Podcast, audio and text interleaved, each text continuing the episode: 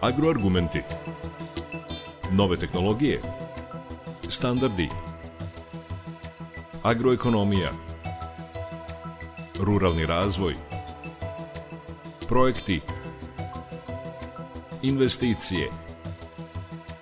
Preduzetništvo. Biljna proizvodnja. Stočarstvo. Agroargumenti. Uređuje Đorđe Simović.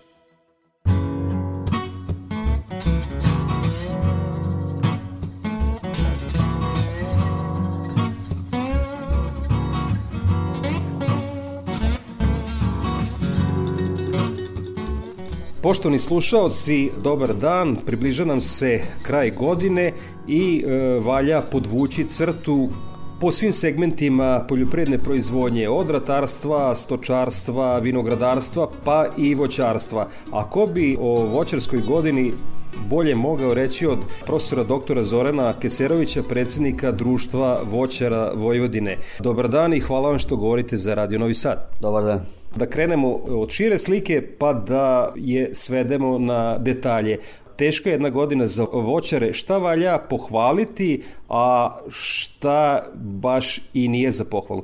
Pa jeste dosta teška godina. Na početku godine imali smo, kao što se dešava običajno u poslednje vreme, da u januaru i februaru budu visoke temperature koje jednostavno utiču na brže razvoj pupoljaka generativni, a kasnije da u martu, aprilu mesecu dođu niske temperature i koje nanesu velike štete, pogotovo u nekim koštičavim voćnim vrstama. Evo i ove godine smo imali ponovo veliko izmrzavanje kod Kajsije, pogotovo u onim lokalitetima koji su niži, isto 150 metara nadmorske visine, zatim kod nekih sorti bresaka takođe je došlo do izmrzavanja i tradicionalno kod trešnje kod onih sorti koji imaju izuzetno osetljive generativne pupoljke, a nažalost to je kordija koja je jedna od vodećih sorti pored regine u Evropi. Kasnije smo imali dosta loše uslove kod e, krušket, šljive, i nekih drugih voćnih vrsta za vreme oprašivanja i oplodnje, a nemaju proizvođači navike da u zasade unose bumbare koji su vrlo aktivni kada su te temperature ispod 12 stepeni, jer tada pčele ne lete i bumbari obave jedan jako, jako veliki posao. Nakon toga imali smo izuzetno visoke temperature u junu, julu mesecu i to koje su, koje su iznosile do 38, 39 stepeni. I one su kod nekih voćnih vrsta koje su tada sazrevale, a pogotovo kod kajsije, došlo je malte ne, ne do smanjenja prinosa, do opadanja plodova, čak i do sušenja kompletno stabala uh, kod onih znači sorti koje su kalemljene na kržljavije vegetativne podloge. I naravno posle toga imali smo jedan sušni period u oktobru, nije palo negde, negde otprilike ceo oktobar, skoro, skoro negde oko otprilike 2 mm i sve će se ovo odraziti uh, ne samo na rod, nego takođe i na pripremu samih pupoljaka za sledeću godinu. Jer poznato je da se u julu mesecu, augustu, septembru pupoljci pripremaju za rod za narednu 2023. godinu i ono što pre, predlažem proizvođačima da pre početka same zimske rezidbe obavezno uradu analizu pupoljaka i na osnovu toga da odrede da odrede, odrede znači intenzitet rezidbe kakav će biti. Ali bez obzira na sve ove, ove, ove probleme, probleme ipak se očekuje u ovoj godini veći rod u odnosu na 2021. godinu kada je Srbija, kada je Srbija proizvela oko 1.430.000 tona. Ja očekujem da će to ove godine biti 1.450, 1.470. A povećanje proizvodnje očekujem kod, kod šljive koja je vodeća, a smanjenje kod jabuke i ovde sigurno u narednom periodu mora se više povesti računa o izboru voćnih vrsta za odgovarajuće agroekološke uslove, jer to je najvažniji faktor za redovan prinos i kvalitet plodova. Pažljivo sam slušao, pa da krenemo hronološki, e, kao i većinu poslednjih godina, stalno štete od e, mraza. Dakle, izmišljeni su e, sistemi za zaštitu od mraza. O kojim sistemima je reč i kada se oni isplate? Pa vidite, najbolje je izabrati odgovarajuću voćnu vrstu i sortu za odgovarajuće agroekološke uslove. Evo, konkretno kod Kajsije, znači poznato je da je lokalitet Fruške gore iznad 190 metara, da je nije bilo izmrzavanja ni ove godine, ni prošle godine, da je ravničarskom delu došlo do izmrzavanja. To je najbolji način zaštite, zaštite od niskih temperatura. Naravno, ako su podignuti zasadi u neodgovarajućim agroekološkim uslovima, najefikasniji sistem jeste antifrost sistem koji može da štiti i do negde minus 7 i to ne samo kod jabučastih, sada se to radi recimo kod košiča i kod trešnje, kod kajsije, postoje frostbusteri koji ubacuju znači vazduh topao unutar reda, zatim e, koriste se i drugi e, primitivni načini koji mogu dosta da pomognu, kao što je recimo zadimljavanje, gde se okolo zasada stave one ogromne bale i gde se kad se temperatura spusti na minus 1, onda se jednostavno pale te bale i na taj način može nekada i 1-2 stepena da se temperatura poveća, što je vrlo značajno, je pogotovo je jako osetljiv taj period u presvetavanju, kada su kod pojedinih voćnih vrsta tek zametnuti plodići uh, mogu uh, da ošteti mrazi negde oko minus 1,5, 1,3. Uh, ali da, da vidimo ovaj antifrost sistem, u kojoj se oni kulturi ovaj, isplati, na kojim površina, pod, pod kojim uslovima, reći o velikoj investiciji može biti isplativo? Pa sigurno kod onih uh, voćnih vrsta koje su iz, izuzetno znači akumulativne kao što je trešnja, zatim ovaj kod kod jabuke, dobro je što pokrajinski sekretarijat i republičko ministarstvo znači postiču postavljanje antifrost, antifrost sistema i on može u jednoj godini znate da se isplati. Jel, pazite, ako vi imate prinos jabuke 70-80 tona, a dođe do izmrzavanja, to su ogromne štete ili kod, kod trešnje, a ako prinos imamo negde 15 do 16 tona, znači već u, u, u, u jednoj godini može da se isplati. A pored toga taj antifrost sistem, on može se kasnije koristi i za dobijanje boje, za raskrađivanje, uh, raskrađivanje plodova, jer je poznato ako su niže temperature u toku noći da plodovi dobijaju boju boju u odnosu na kada su više temperature.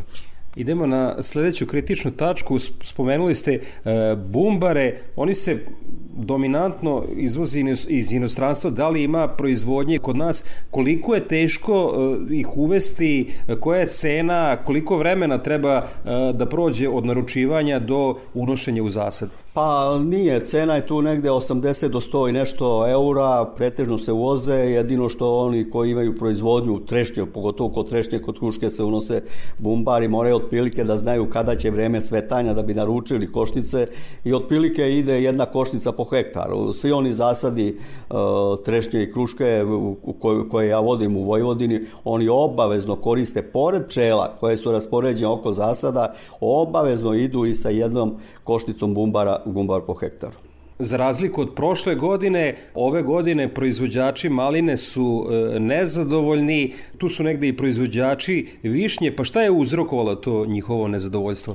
Pa vidite, u poslednje vreme e, došlo je do velikog porasta troškova proizvodnje, ali cena energenata izuzetno visoka, cene radne snage je dosta visoka, mineralni đubriva, zaštitnih sredstava i bez obzira što ove godine smo imali izuzetno visoku cenu maline koja je išla čak i otprilike do 400 dinara.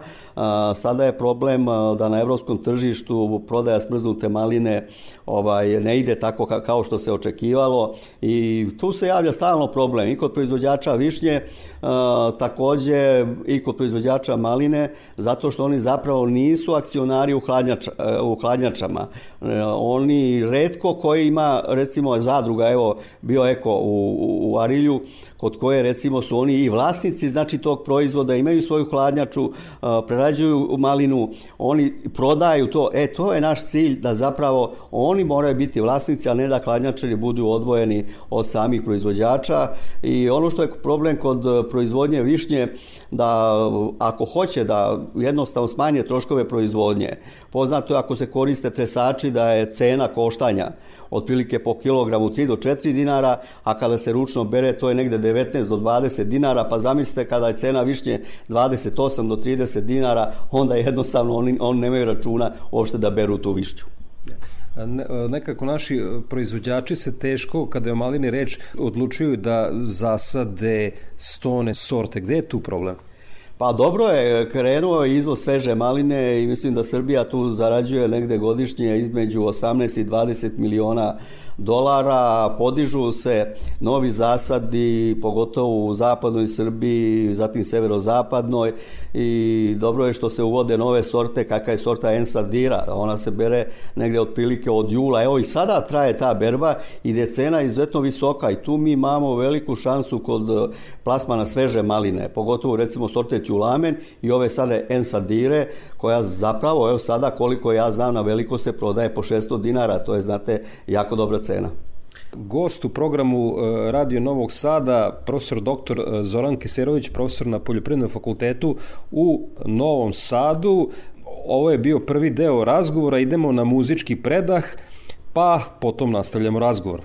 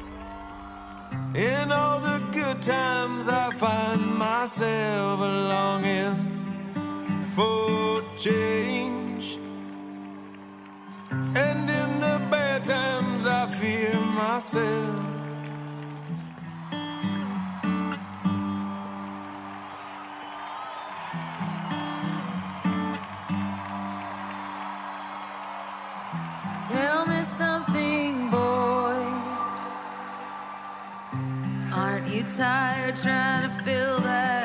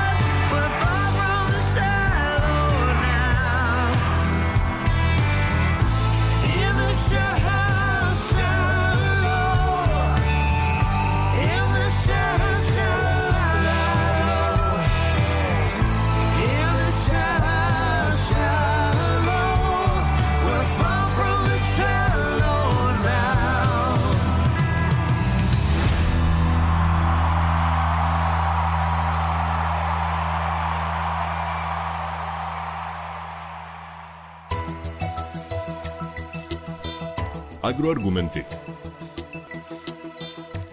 Gost u programu Radio Novog Sada, profesor dr. Zoran Kiserović, predsednik društva Voćera Vojvodine i u ovom drugom delu razgovora govorimo o tradicionalnom savetovanju, o savremenoj proizvodnji voća. Nekako profesore voćari jedva čekaju da dođe taj decembar i da na poljoprivrednom fakultetu e, saslušaju šta je to novo u voćarstvu. Kako, evo za početak da vas pitam, uvek aktuelne teme, nijedno predavanje ne bi preskočio. Kako naprosto koncipirate teme, o čemu ćete svake godine pričati, a stalno treba nešto novo iznositi u javnost i biti zanimljiv voćarima? Pa ja imam tu sreću da dosta putujem, obilazim plantaže ne samo ovde nego i u okruženju.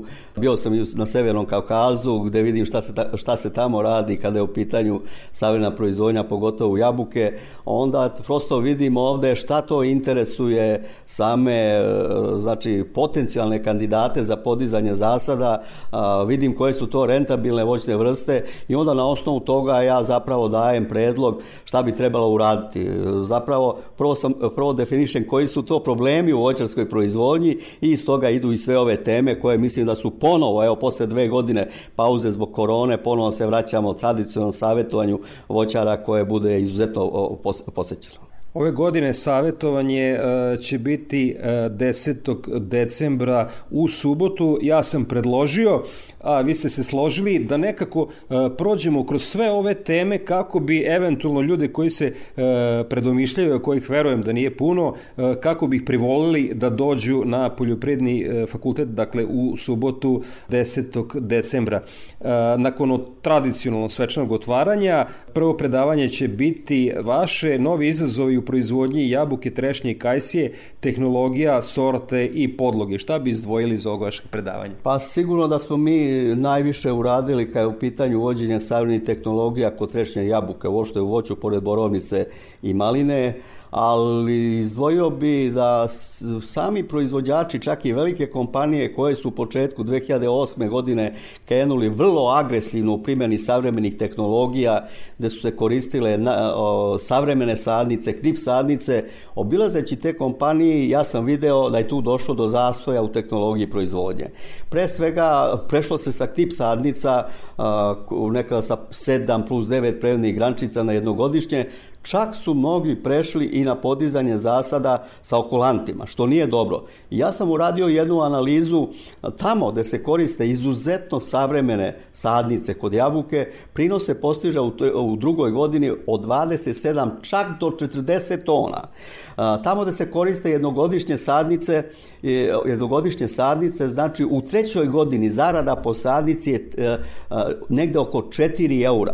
Ako se koriste knip sadnice, iako su skuplje, zarada u trećoj godini bude negde oko 10 eura. I moramo polako se vratiti podizanju zasada sa savremenim sadnicama i ono što isto nije dobro da većina kompanija polako prekalemljuju zasade. Ajde ako se to radi o, o voćkama 3-4 godine starosti, ali prekalemljivati voćke koje su stare 12 do 13 godina, znači to nije dobro. Znači te e, voćke moraju da se vade i moraju ponovo da se podižu sa savremenim sad, sadnim materijalom.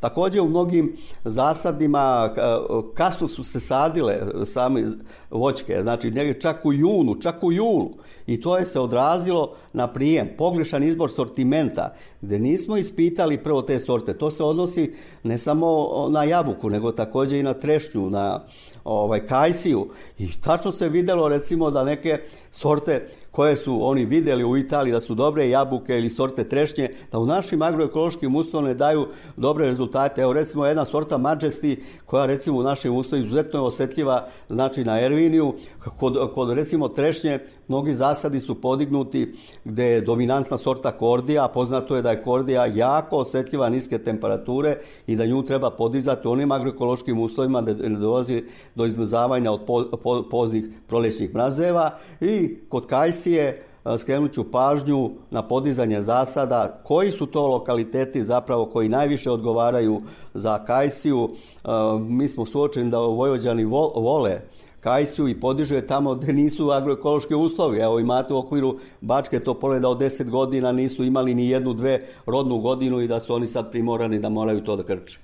Jasan mi je e, rezon uvozničke kuće koje e, predstavlja našim poljoprednicima putem agresivnog marketinga neke nove sorte u svim voćnim vrstama. Međutim, koliko Srbiji fali jedna specijalizovana e, e, institucija koja bi se samo time bavila da sve te nove sorte koje se stvore u Evropi, da se ovde istestiraju i da ta institucija da preporuku koja jeste, a koja nije za naše agroekološke to, uslove? To je odlično pitanje. Ne treba proizvođači da ispituju sorte. Evo samo recimo kad se pojave nove sorte jagoda u Italiji imaju 13 centara gde ispituju te sorte jagoda. Nažalost ovde proizvođači sami posade nove sorte onda se uvere da nije dobro. Ja sam ministarstvu predlagao da se formiraju centri, znači u Srbiji 3 do 4 postoje stručne službe, fakulteti gde će sve te nove sorte prvo da se ispitaju pa tek onda da se dalje, dalje šire. Nije to samo slučaj kod jabuke, to je čak kod trešnje, kod borovnice. Kod borovnice su napravljeni veliki,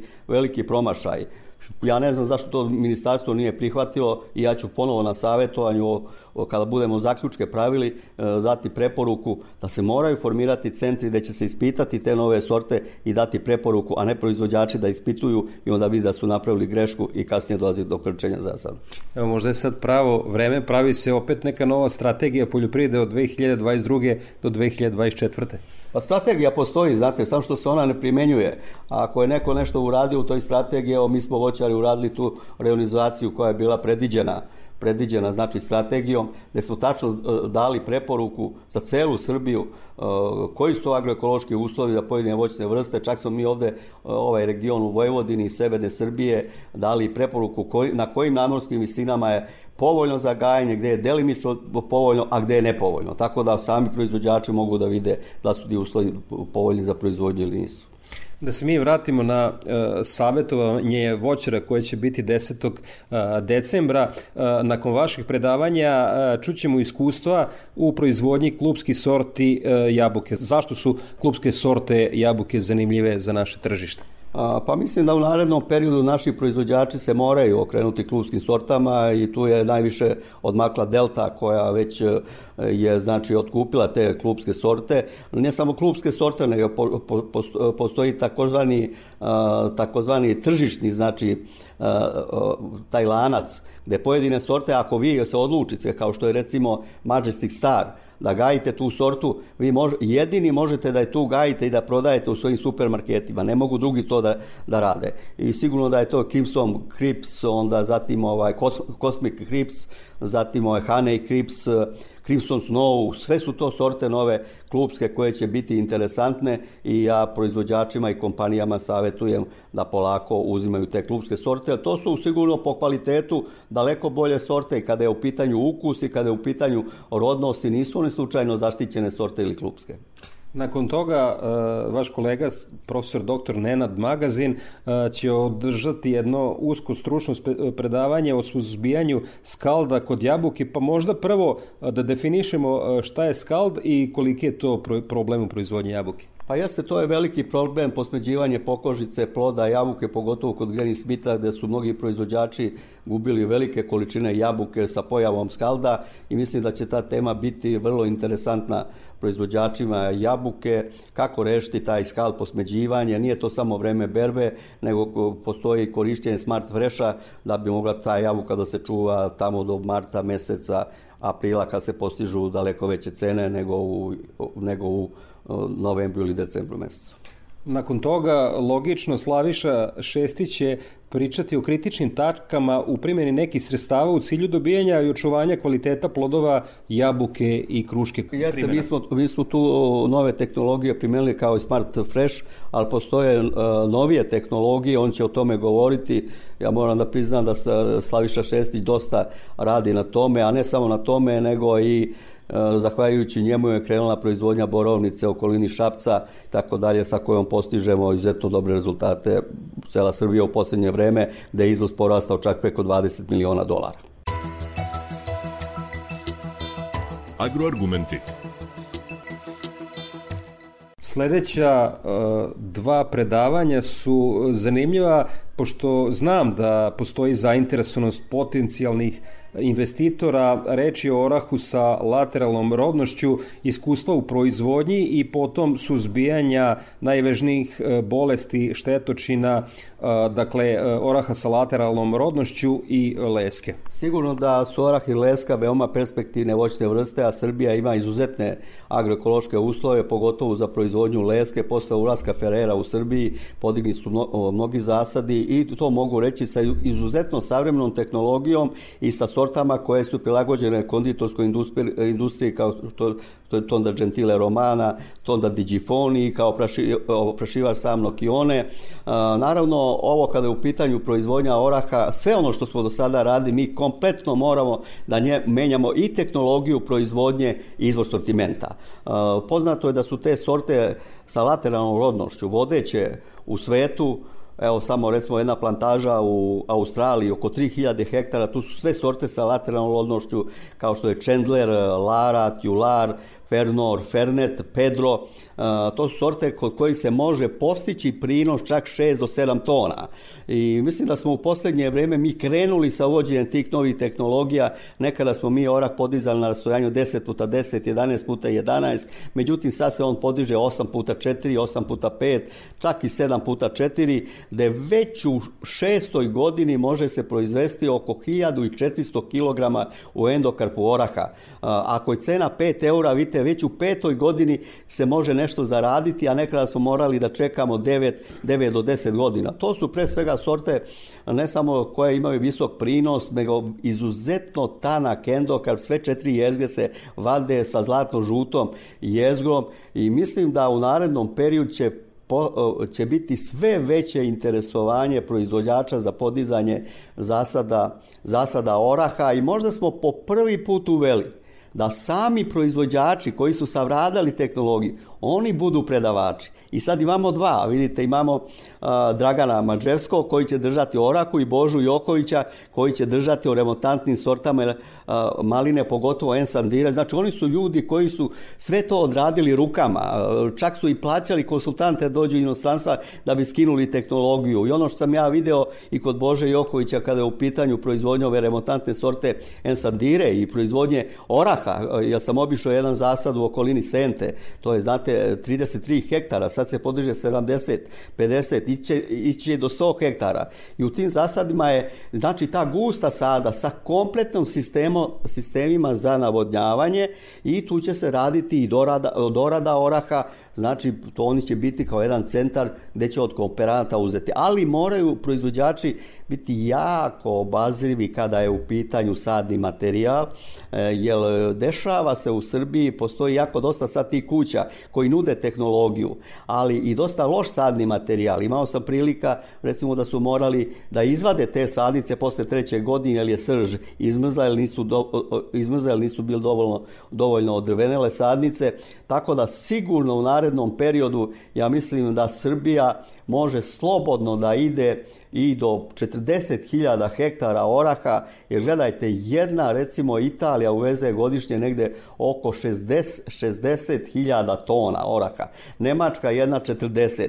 Kod Leske isto tako, Italija uveze, bez ove što je veliki proizvođač, uvezu negde otprilike oko 58.000 tona, Francuska negde oko 30 nešto hiljada tona. I mislim da će ove dve voćne vrste, jezgaste voćne vrste, da imaju jako veliku perspektivu i pored ove dve, pored maline koja se koristi za mrzavanje, sigurno sorte za svežu upotrebu, a evo ensandira koja ima izuzetno dobre plodove koji se beru od kraja jula. Evo sad se radi berba i prodaje se, cena je verovali negdje oko 600 dinara. Da, spomenuli ste uh, našeg prijatelja Božu Jokovića, direktora zadruge Agroeko Voće, koji će biti sledeći predavač. Njegova tema je iskustva u proizvodnji stoni sorti maline, uh, nova šansa malinarstva i ovo uh, savetovanje o savremenoj proizvodnji uh, voća, u e, subotu 10. decembra e, zatvorit će panel diskusija novi izazovi u plasmanu i potrošnji e, jabuke kako dalje. Dakle, ova godina e, je bila puna izazova za proizvođače jabuke i voleo bih da se malo detaljnije zadržite na ovoj temi. ono što je dobro da sve veće kompanije koje su do sada dosta bile zatvorene su pristale da dođu na savjetovanja i da učestvuju u ovom panel, panelu kada je u pitanju proizvodnja i potrošnja jabuke da donesemo neke zaključke koje ćemo proslediti Ministarstvu poljoprivrede da vidimo kako da rešimo ovaj problem kada je u pitanju proizvodnja jabuke, jer je poznato da su troškovi jako porasli, pogotovo transportni troškovi. Nekada je jedan kamion hladnjača koštala e, do Rusije negde oko 3-3,5 hiljada eura, sad ona košta negde oko 10 do 12 čak hiljada eura i ja sam radio jednu analizu šta se to dešava sad u posljednje vreme kada je u pitanju troškovi proizvodnje po kilogramu. Nekada su oni bili, ako uzmemo i neamortizovane investicije, hladnjača, mehanizacija i tako dalje, podizanje zasada, iznosili negde 45-55 eurocenti, a ako se prodaje po 66, znači bilo je zarade. Međutim, nažalost, evo u posljednje dve godine malte ne u troškovi proizvodnje veći, veći od same cene jabuke koja jeste. Upravo ti transportni troškovi koji su jako poskupeli, znači cena energenata i svih ostalih stvari. Mi ćemo dati predlog da, da da vidimo kako, zbog čega u, u, po glavi stanovnika se troši svega 8 kg jabuke. Kako povećati? Da li imati neke emisije edukativnog karaktera ili da vidimo da tenderima pre svega imaju prednost naše jabuke ili naše voće iz Srbije, a ne naranđe tako dalje, da pomognemo proizvođačima. Da li tu treba subvencionisati, recimo uh, subvencionisati uh, industrijsku jabuku, kao što to rade Poljaci kada im dosta rodi, onda država se naravno to umeša pa pomogne proizvođačima, jer ipak je jabuka pokrenula razvoj pojedinih regija, zaposlila je jako dosta ljudi i šteta bi bilo da počnu da se krče takvi zasadi. Iz privredne komore e, Srbije pa i Vojvodine nam eto već drugu, treću godinu ovaj, sugerištu više proizvođačima sve teži plasman jabuke na tržište Rusije treba tražiti a, nova tržišta u redu. Da li tih tržišta ima i koji su tu a, izazovi? Spominje se Sever Afrike, spominje se Egipat, spominje se Jugoistočna Azija. Pa jeste, ovaj, rusko tržište je nekad bilo glavno tržište za izvoz jabuke gde smo izvozili preko 90%, međutim nije ono sad glavno tržište, se izvozi jabuka, Srbija izvozi jabuku u 40 i nešto zemalja, na Bliski istok, Daleki istok, ono što je interesantno i za Englesku izvozi skandinavske zemlje i tako dalje. Sigurno da postoji recimo Severna Afrika, ja sam imao priliku da u Maroku vodim neke plantaže i kada sam se vratio pitao sam se zbog čega se recimo ne otvori marokansko tržište, zatim egipatsko tržište. Ja sam bio na tom sastanku u Privrednoj komori Srbije gde smo predložili da se formira jedna delegacija da ode tamo i dobro je što je to podignuto na viši nivo i da postoji sad bilateralna saradnja Egipta, Egipta i Srbije. Zbog čega je carina prema našim jabukama 40% u Egiptu, a prema evropskim jabukama nije. Znači to je na državi da pokuša da to reši. Sigurno na nova tržišta ovaj, mogu da se osvoje, gde je tu Indija, iako je to jako daleko tržište, ali polako ide i za, i za Indiju, znači velika količina jabuka. Gost u programu Radio Novog Sada je bio profesor dr. Zoran Keserović, profesor na Poljoprednom fakultetu u Novom Sadu i predsjednik društva voćara Vojvodine. E, analizirali smo e, proizvodnu godinu kada je voćarstvo reč ovu 2022 a sve zaljubljenike u voćarstvo smo pozvali na savjetovanje o savrenoj proizvodnji e, voća koje će se održati u subotu 10. decembra. Samo da kažem da je ulaz slobodan i da će tu biti štandovi svih onih kompanija koje su nastavljeni na voćarstvo, od onih koji podižu protiv radne mreže hemijskih kuća, koje prodaje đubriva. Mi smo do sada imali preko 40 i nešto kompanija, tako da će imati mogućnosti ovde i da se upoznaju sa tim kompanijama koje rade distribuciju distribuciju svega onoga što je potrebno u voćarstvu. Hvala vam puno što se odazivate uvek redovno na pozive iz Radio Novog Sada. Hvala i vama. I vi ste dosta uradili na afirmaciji voćarstva koja je jedno možda svetla tačka u razvoju poljoprivrede Srbije.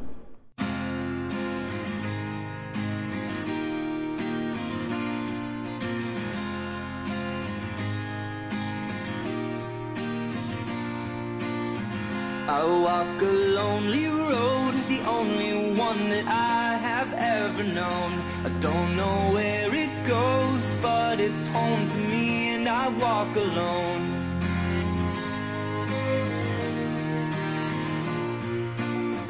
I walk this empty street on the boulevard of broken dreams where the city sleeps and I'm the only one and I walk alone.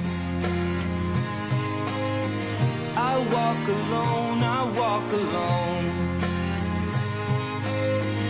I walk alone, I walk up. My shadow's the only one that walks